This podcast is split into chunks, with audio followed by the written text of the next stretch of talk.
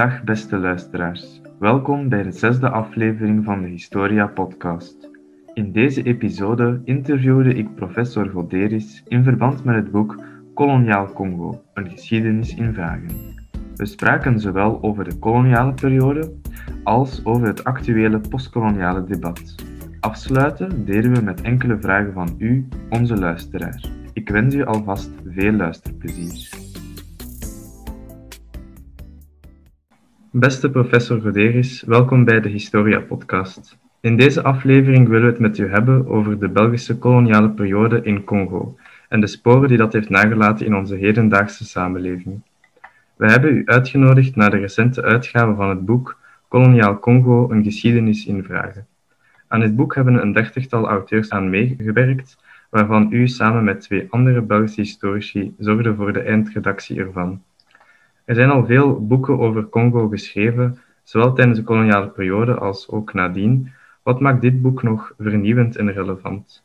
Het boek brengt eigenlijk de nieuwste inzichten in de koloniale geschiedenis. Er zijn inderdaad al veel boeken verschenen, maar ja, ten eerste in de koloniale periode, maar dat zijn geen geschiedenisboeken, dat waren, dat waren, dat waren tijdsdocumenten, dat waren propagandaboeken. Uh, na de dekolonisatie is lang stil geweest.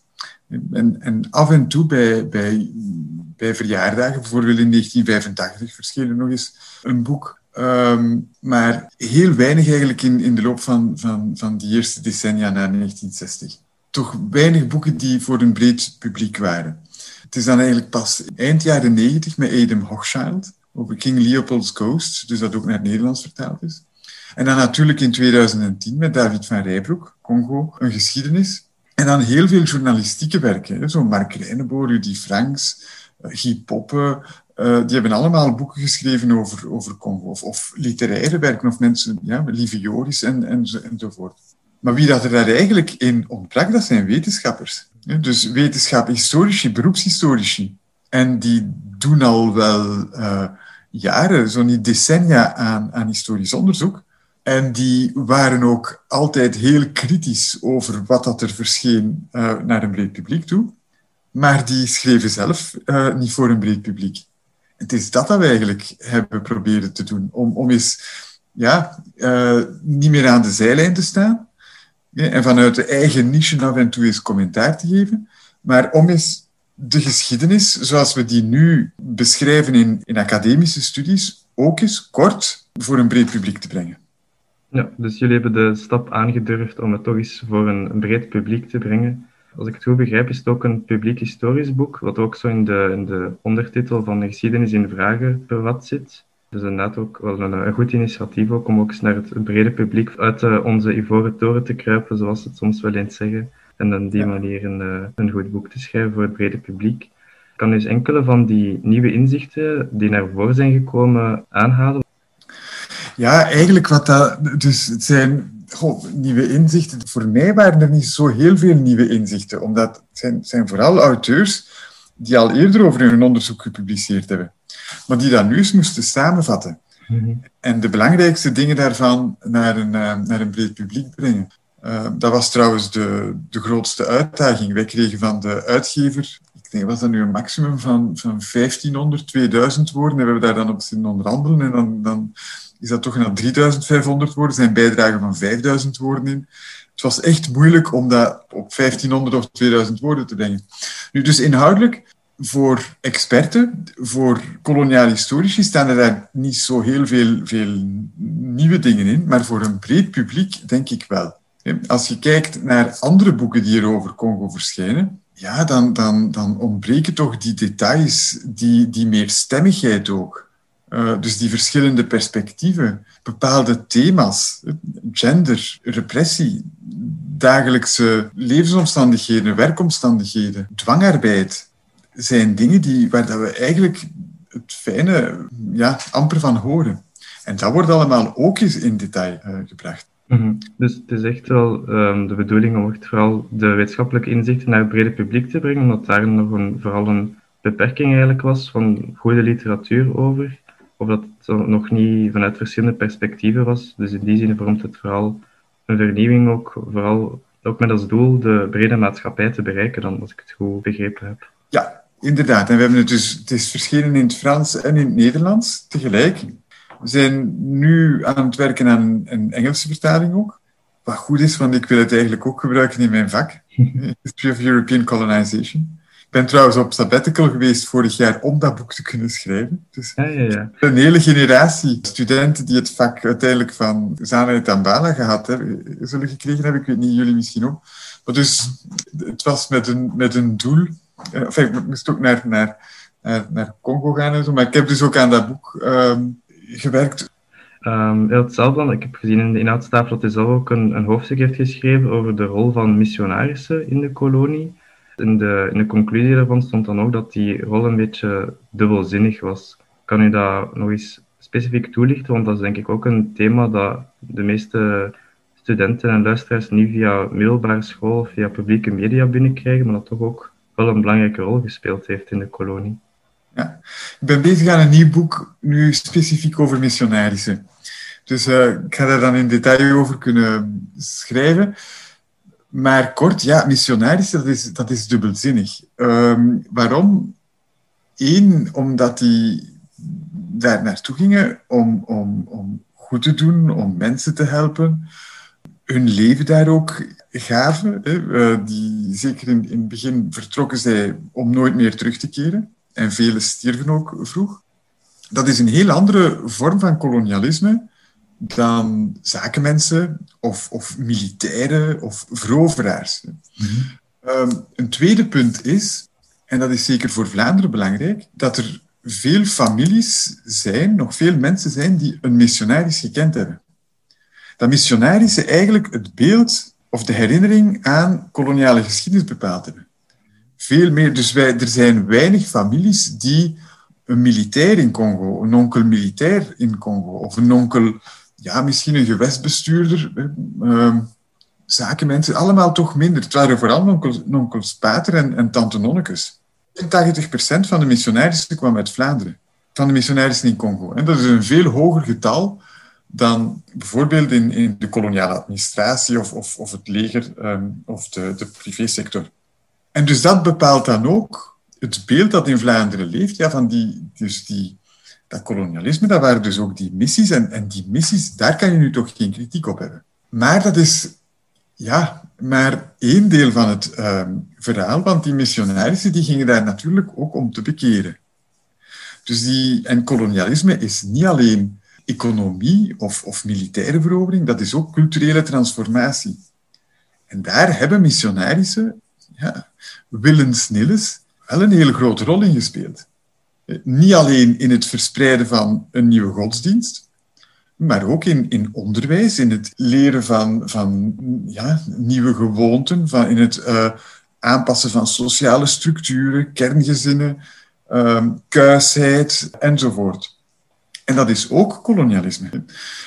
Komt daar dan ook nog bij dat er ja, ook racisme was onder die missionarissen? Dat er ook conservatisme was. Bijkomend probleem dan weer, om het, om het wat complexer te maken, is dat niet alle missionarissen racisten waren. Dat er ook veel missionarissen de zwarte verdedigden, het echt goed op hadden met de zwarte. Dus je kan missionarissen moeilijk over dezelfde kam scheren, maar missionering heeft ook kwalijke gevolgen gehad.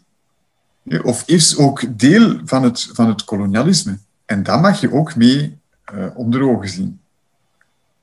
Ja, inderdaad. Ik denk dat dat, dat is ook een beetje wat ik ook zelf had gelezen en dat dat een goede samenvatting is van rol van missionarissen.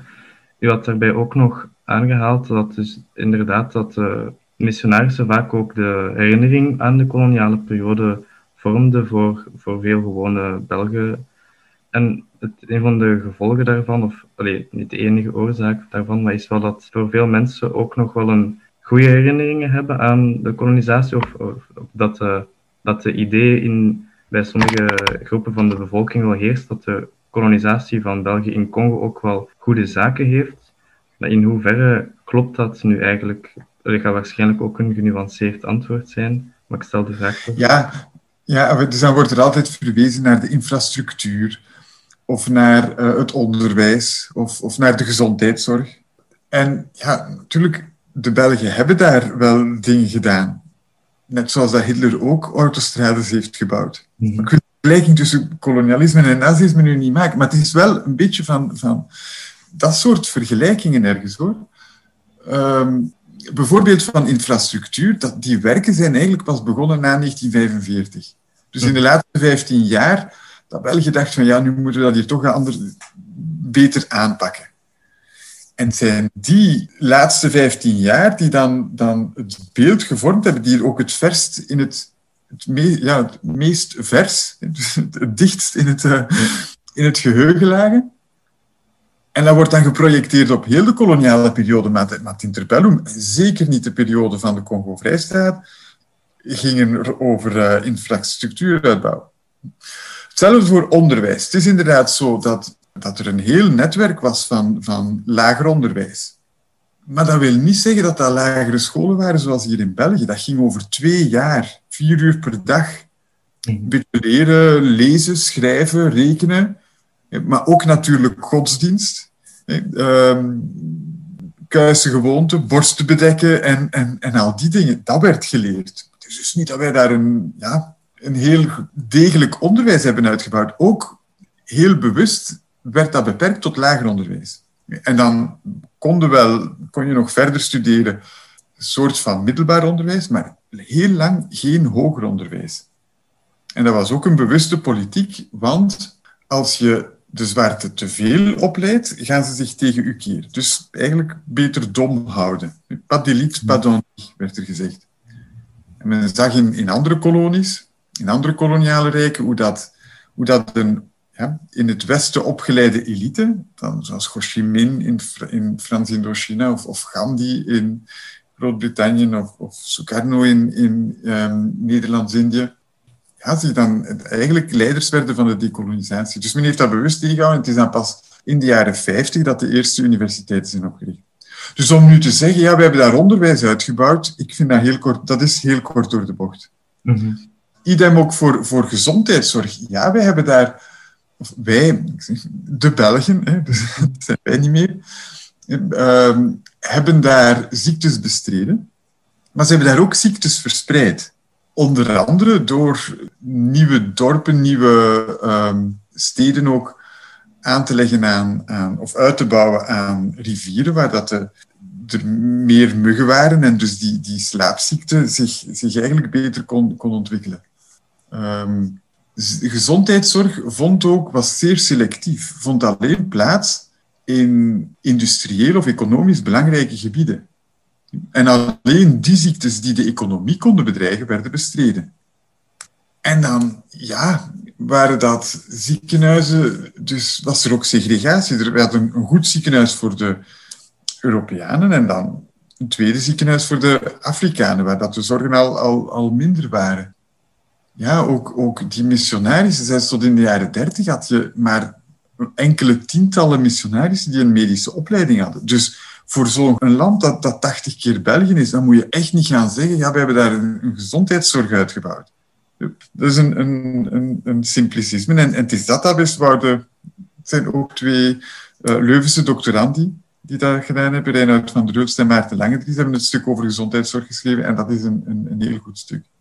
Ja, dus inderdaad, het is eigenlijk vooral dat de, de, zaken die het de, Bel de goede zaken die het de Belgen deden, waren eigenlijk ook nog voornamelijk ingegeven vanuit eigen belang, dan vanuit, of vanuit hun eigen politiek. Dus in die zin... Ja, en ook belangrijk, waren dus veel beperkter dan de propaganda hier in België ons wou doen geloven. Mm -hmm.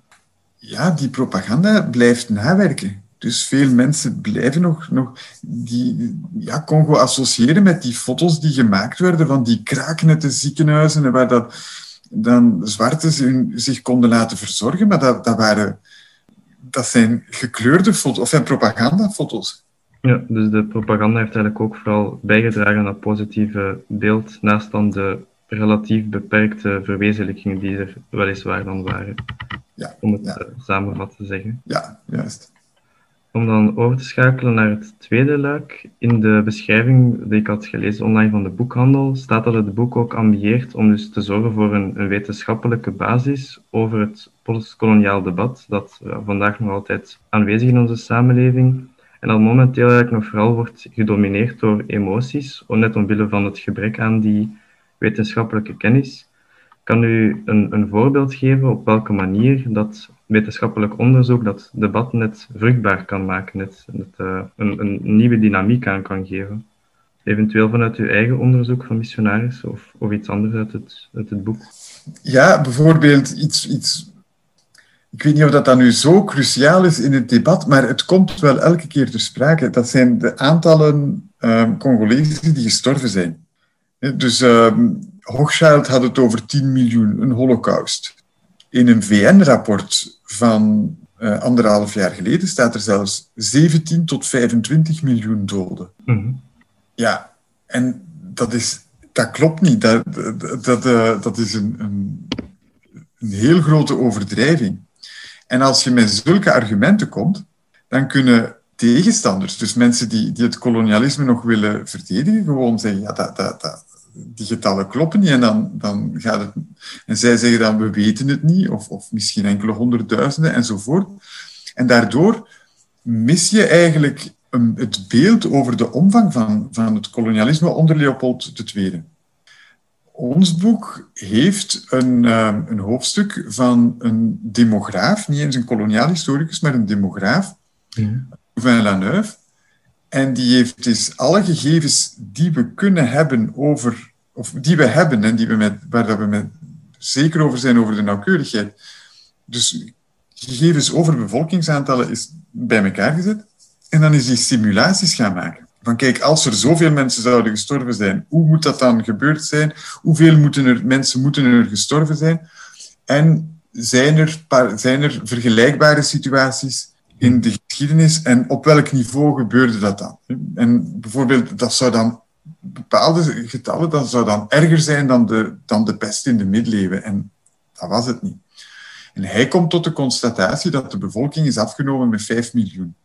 Sorry, met 1 tot 5 miljoen. En, maar dan weten we niet of, um, of al die mensen. Nee, we weten zeker dat die niet allemaal vermoord zijn. Er kunnen ook omgekomen zijn in, in slechte levensomstandigheden. Er zit, gaat ook over een afname van de bevolking. Dus dat wil ook zeggen dat het ook minder mensen geboren zijn. Mhm. Het is opnieuw complexer.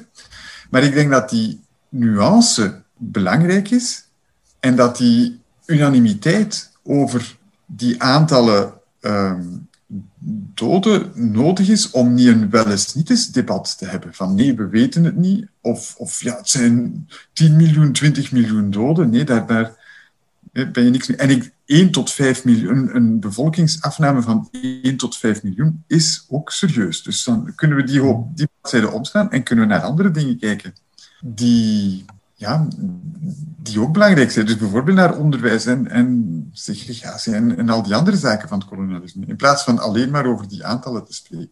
Dus wetenschap kan inderdaad vooral een, zorgen dat de nuttelozere discussies als hoeveel doden waren het nu precies een beetje opzij geschoven kunnen worden en echt meer naar de, naar de kern van de zaak gegaan worden. Ja, het, zijn geen, het zijn geen nutteloze discussies, maar het zijn gewoon foute discussies met, met, met foute aantallen en, en uh, ja, wel eens niet dus mm, ja. debat zeker niet vooruitbrengen.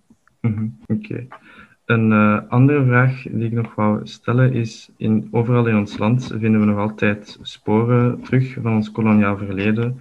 Um, sommige stemmen in de publieke opinie ijveren eigenlijk voor een, een, een soort van beeldenstorm uit te voeren en, en anderen pleiten dan net voor een meer evenwichtige omgang met, met die erfstukken van het koloniaal verleden, om het zo te noemen. En bijvoorbeeld het plaatsen van tegenbeelden, een, een betere omkadering, verhuizen naar musea, of ook een, een groter deel van koloniaal verleden in het geschiedenisonderwijs naar, naar boven laten komen, om op die manier een beter bewustzijn te creëren. Wat vindt u zelf over die kwestie? En is daar werkelijk ook een, een eenduidig antwoord voor te vinden voor welk kamp heeft nu het, het rechte eind? Um, ja, een eenduidig antwoord daarover is er niet te vinden, maar het probleem is dat de publieke ruimte wel nog altijd eenduidig is. Dus er zijn nu nog altijd geen monumenten voor Congolese slachtoffers, voor Congolese verzetshelden. Er is wel al een Rue Lumumba in Charleroi en er is een Square Lumumba in, in Brussel, maar dat, dat, dat is een klein straatje in, in, in Charleroi En, en in Brussel is dat een, een uithoek van een groter plein dat voor de rest in Elsene ligt en dat nog altijd het Bolwerk Square heet. En, en die naamswijziging is er gekomen niet vanuit een, een, een, oprechte wil tot decolonisering van de publieke ruimte, maar gewoon, dat was een paar maanden voor de gemeenteraadsverkiezingen. En dat was de Brusselse collega die zijn, um, uh, de Brusselse burgemeester die zijn collega van Elsene een, een, een loer wou draaien. En dus uh, stemmen van de Afrikaanse diaspora wou winnen. Maar voor de rest, ook nu, we zijn nu al bijna een jaar naar Black Lives Matter. En die monumenten voor, voor Congolezen komen er nog altijd niet. Ik denk dat dat een, een eerste stap, dat dat gewoon de belangrijkste stap is. Mhm. Dat wij ook het Congolese perspectief in die koloniale geschiedenis erkennen in de publieke ruimte. Dus dat er ook ja, plaatsen zijn waar dat er herdenkingen kunnen gehouden worden, kransen kunnen neergelegd worden, waarin dat die, die andere kanten van de koloniale geschiedenis ook uh, herinnerd en, belicht worden. Wat moet er gebeuren met alle monumenten die er wel zijn? Uh, zeker niet, vernietigen. Degene die dat echt storen en dan gaat dat vooral op de tweede, maar, of, of over de zeer um, uh, racistische mise-en-scènes. Die zou ik samenzetten in een, in een museum van de koloniale propaganda. Bijvoorbeeld in, in, in Tervuur, dat is groot genoeg. Omdat je dan op die manier dat aspect van propaganda um, ook begrijpt, ook, ook ziet dat dat een, een wezenlijk aspect is van, van, van de koloniale geschiedenis. En um, ja, dan kan je ook aan de hand daarvan beelden die er nog altijd zijn, situeren van, ah ja, dat is daar ook een voorbeeld van. Kunstenaars kunnen ook hun werk doen. Die beelden mogen hun aandacht uh, blijven krijgen. Het is ook een manier om koloniale geschiedenis in het geheugen te houden. Dus um, het is goed dat dat debat er is en, en dat debat mag, mag, uh, mag leven mag, mag nog, nog blijven bestaan. Dus daar moet ook niet een, een kant-en-klare oplossing voor zijn. Maar wat dat er nu nog altijd gebeurt, is vooral niks. Hè. Er zijn een aantal steden die bezig zijn aan een decoloniseringscampagne. Um, Gent en Halle hebben al um, resultaten geboekt. De resultaten van Gent zijn teleurstellend. Halle gaat eigenlijk klimop laten groeien over ene beeld. En dan nog het andere beeld is misschien wel, wel interessant, van zijn sokkel halen, zodanig en op de sokkel nog wat meer uitleg geven. Maar de, de tegenbeelden moet ik eigenlijk nog altijd zien komen, die zijn er nog niet. Mhm. Ik had uh, in de les van publieksgeschiedenis van Elwin Hofman, ja. um, had hij zelf geopperd voor de suggestie om elk jaar ritueel een, een beeld te vernietigen. Wat vindt u zelf van die suggestie? dat is gek. Oh, um, ik nee, ik zou, nee, nee, ik zou ze dan elk jaar in wegnemen en in het museum zetten. Zoiets zou je kunnen doen. Want dingen, geweld is toch nooit goed? Zegt Darwin Hofman. Uh, ik zou, nee, ik zou dat niet doen. Ik zou de, de dingen niet kapot maken. Dan heb je ook dan gaat de discussie niet meer over koloniale geschiedenis, maar over erfgoed en, en, en het, uh, het bewaren of vernietigen van, van cultuur um, en, enzovoort. En daarover moet het niet gaan. Hè. Het gaat over de koloniale geschiedenis. En over de eenzijdigheid in het straatbeeld enzovoort. Oké. Okay. Um, daarbij aansluitend nog mijn slotvraag die ik had. In de, in de college over interculturaliteit gaf u zelf ook aan dat er een recente verbreding is van het Belgisch koloniaal debat, met ook stemmen uit de, de niet-witte populatie, om het zo te verwoorden. Wat zijn volgens u de nodige stappen om het debat nu op een vruchtbare en positieve manier verder te zetten. We hebben recent ook meer aandacht gekregen met dan de hele Black Lives Matter movement. Wat zouden voor u, volgens u misschien nuttige ja, manieren zijn om het, om het uh, debat op een positieve manier verder te zetten? Wel, ik denk ten eerste kennis van zaken, uh, bewustmaking, uh, onderwijs. Voor mij gaat het eigenlijk niet zozeer idealiter moet het niet zozeer over het debat gaan, maar over, over kennisverspreiding. Want die kennis is er al. En heel veel academisch debat daarover is er niet. Het gaat in de maatschappij, in, in, in de brede samenleving is er debat, omdat er dus nog altijd uh, believers en non-believers zijn. En eigenlijk het belangrijkste is dat de, dat de kennis die er is gewoon verspreid wordt en, en, en aanvaard wordt. En dat gaat volgens mij sowieso uh, gebeuren met, het, met de tijd. Dus er zijn nog... Ja, een oude generatie is echt nog opgevoed in de koloniale periode. En begrijpt niet wat dat er, wat dat er, wat dat er gaande is. Um, maar die generatie gaat, gaat geleidelijk um, verstommen. En tegelijkertijd heb je dus toenemende uh, migraties, superdiversiteit van de samenleving enzovoort. Dus die stemmen komen er sowieso nu, nu uh, meer en meer.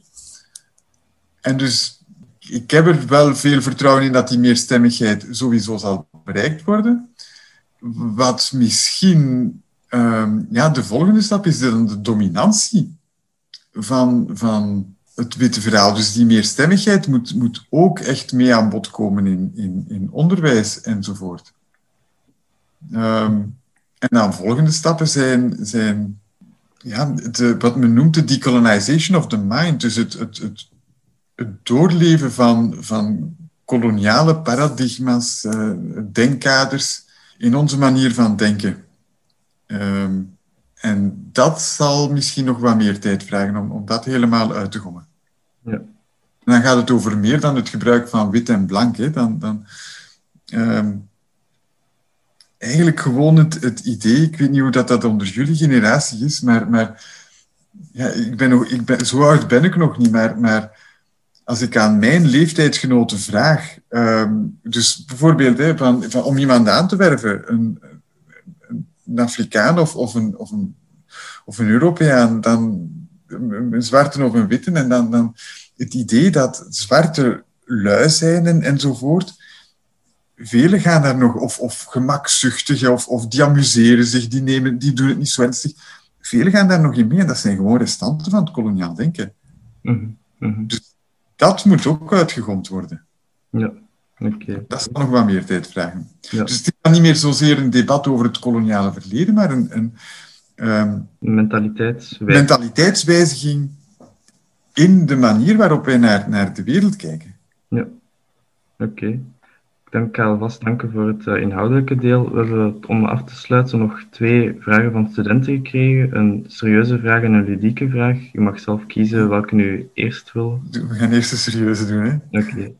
De serieuze vraag is of dat u gelovig bent en waarom wel of niet. Ah, ik ben niet gelovig, maar ik heb wel heel veel uh, respect voor gelovigen. Um, ja, ik, ik, breng veel tijd door in, in missies, of onder missionarissen, of onder... Eigenlijk is dat tegenwoordig onder Congolese of Indiaanse religieuzen, um, als een soort van participant observation. En, en mm -hmm. ik, ik, ja, dat, dat spreekt mij wel aan, maar ik, zou, ik geloof zelf niet in, in, in een God. Ik, ik, denk dat die mensen het soms wel gemakkelijk hebben. Um, omdat ze een duidelijke weg hebben. Tegelijkertijd vind ik, vind ik het vaak bijna ja, naïef dat je zo nog in een God kan, kan geloven vandaag in de 21ste eeuw. Dus ik ben zelf zeker niet, niet, uh, niet gelovig, maar, maar ja, ik vind ook een, een deel van de cultuur, uh, al een deel van de geschiedenis eigenlijk, en daarom iets fascinerend. Ja. ja. Okay. Hoewel het komt, kan terugkomen hoor. Dus het is, het is ook weer met een, een zekere pretentie. Het, het, het, straalt superioriteit uit van, van ik ben daar al vanaf, hè, dat is al een deel van de geschiedenis, maar ja, ik ben ook maar een kind van mijn tijd en, en misschien wordt er in de 22e eeuw weer wel opnieuw geloofd. Hè, dat het, het, christendom heeft al crisissen gehad in de 18e eeuw en is dan erop geleefd in de 19e eeuw. Dus, dus ook dat weet je niet, maar, maar zelf ben ik zeker niet gelovig. Ja, oké. En dan de laatste vraag. Wat is uw leukste herinnering aan uw tijd bij Historia en de vakbar? Ah, um, ik was geen lid van Historia. Ik heb eerst logistiek gedaan. Dus ik ben uh, van EOS. enfin, ik, heb, ik was meer geëngageerd bij, bij EOS en dan, dan heb ik um, enige kandidatuur, hoe noemen ze dat? Een verkorte bachelor zou dat vandaag heten. Mhm. Maar dan, ja, dan, zat, dan heb ik mij minder geïntegreerd bij, bij geschiedenis, ook omdat ik dan nog op Erasmus ben geweest in Polen enzovoort. Uh, dus mijn, mijn studententijd, dat, dat associeer ik eigenlijk eerder met EOS dan, dan met historia. Maar wel ook met de vakbaar. Ik heb daar nog getapt. En EOS moest dat dan doen op donderdagavond. En, uh, en dat was altijd... Uh, waren succesvolle avonden. Wij hebben, ik weet niet hoe dat dan nu is, maar um, dus mijn tapmaat en ik hebben het toenmalige record verbroken. Wij hadden een omzet van 30.000 frank. Dus dat is 750 euro. En dat was voor die avond... Dat, dat was nog nooit gezien. Ik weet niet, tegenwoordig zal dat 750 euro, dat klinkt. Ik denk dat dat record ondertussen al gesneuveld is, maar dat zou ik eens moeten navragen. Denk het ook, ja. ja dus um, ja, aan het heb ik heel goede herinneringen. Mm uh, en, uh, een paar jaar geleden zijn we nog eens met een, ben ik nog eens met een paar vrienden nog een keer gaan kijken, maar ja, dat, dat was dan wel raar, omdat je voelde daar dan ook wel... Dat is... Dat is je voelt je oud en, en je voelt je daar niet op plaats. Een keer dat je de, de 35 of de 40 voorbij bent. En misschien zelfs al vroeger. Ja. Maar in die tijd was dat, uh, was dan heel, ja, dat was echt plezant. Oké, super. Dank je wel voor uw tijd. En dan ga ik, uh, bedank ik u zeker voor, u, voor dit interessante gesprek. En ik hoop dat de luisteraars ervan genoten hebben. Jawel, ja, dank u wel voor de belangstelling. Ja. En uh, ja, tot de volgende keer dan. Ja, graag gedaan.